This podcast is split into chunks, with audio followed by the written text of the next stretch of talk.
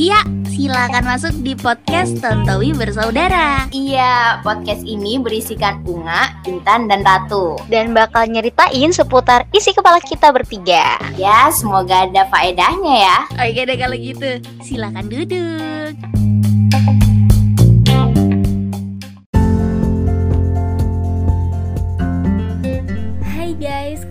Di podcast Tontowi Bersaudara Kali ini kalian bakalan aku temenin, bakalan ditemenin sama Intan.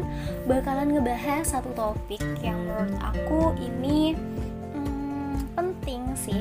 Apalagi khususnya buat uh, teman-teman yang lagi baru masuk kuliah atau lagi di dunia perkuliahan. Jadi, kali ini kita bakalan ngebahas tentang jadi anak organisasi atau kupu-kupu. Oke, mungkin hal ini itu tuh bukan hal yang apa ya, bukan yang awam gitu ya buat anak-anak yang udah masuk dunia perkuliahan. Sama halnya sama aku. Jadi, waktu aku pertama kali kuliah, emang sebenarnya aku tuh bukan basic anak yang aktif waktu pas masih sekolah di SMA, SMP maupun SD. Jadi ya udah kerjaan aku cuma belajar ya mungkin ikut-ikut lomba tapi bukan anak ekskul juga gitu yang punya basic berorganisasi. Nah, waktu kuliah aku diajak gitu masuk satu organisasi. Ya mungkin kalian pasti tahu lah di satu kampus itu pasti terdapat banyak banget organisasi. Pada saat itu sebenarnya uh, awal mula aku masuk organisasi bukan karena aku nih udah tahu duluan nih organisasi gimana. Kayak gitu. Jadi ya aku diajak aja dan aku mau aja karena memang ya untuk mengisi spare time aku yang aku tahu ternyata kuliah itu nggak kayak kita zaman SMA dulu nggak zaman nggak kayak zaman kita sekolah yang kayak dari pagi sampai sore kita tuh sekolah enggak jadi kita punya banyak banget spare time kayak gitu oke jadi aku masuk ke satu organisasi gitu. Jadi uh, di dalamnya aku dapat banyak hal uh, gimana caranya ngomong di depan umum. Dan ternyata benar ngomong di depan umum itu tuh sulit banget. Aku aja dulu mau ngomong di depan umum nih itu tuh angkat tangan aja udah getar mau ngomong perkenalan aja udah gemeter gimana gitu susah deh pokoknya. Kalau kalian gimana? Nah pas aku udah masuk organisasi ini aku belajar caranya lebih percaya diri. Terus aku belajar caranya public speaking.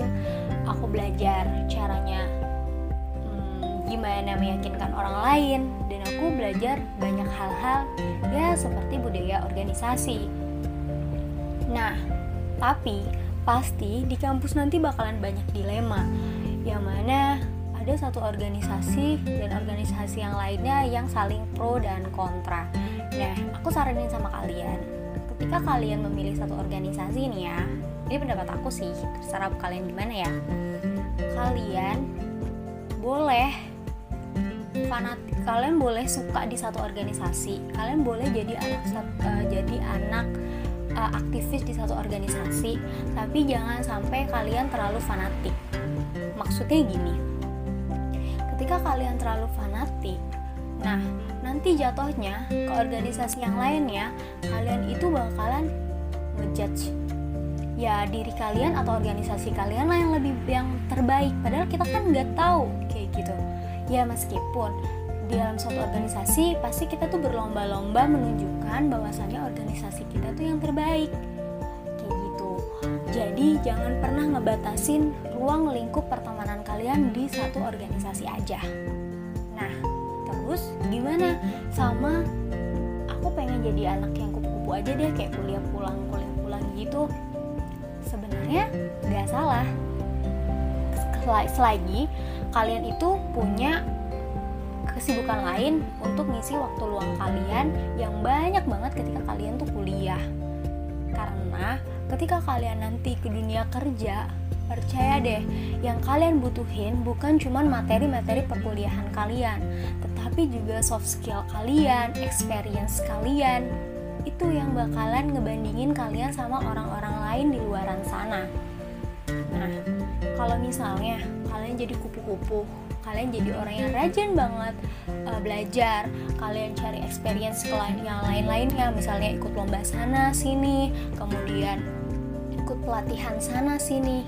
Ya it's okay gitu. Yang penting kalian uh, bisa ngeimbangin atau bisa ngembangin diri kalian gak cuman dari sisi akademis aja. Kayak gitu. Nah tapi semua ya tergantung kalian maunya gimana. Tapi saran aku kalian boleh masuk organisasi tapi jangan lupa jangan sampai ngerusak perkuliahan kalian. Aku nggak sepakat.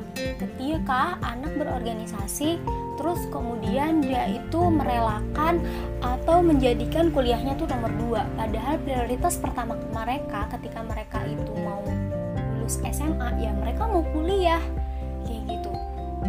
Sampai deh apa yang menjadi tujuan pertama kita itu tuh terbengkalai cuman karena karena cuman karena berorganisasi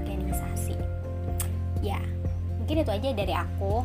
Hmm, kalau kalian ada yang ingin kalian sampaikan sampaikan atau kalian uh, punya pendapat yang berbeda kalian bisa langsung DM ke kita bisa langsung sharing-sharing sama kita. Terima kasih. Dah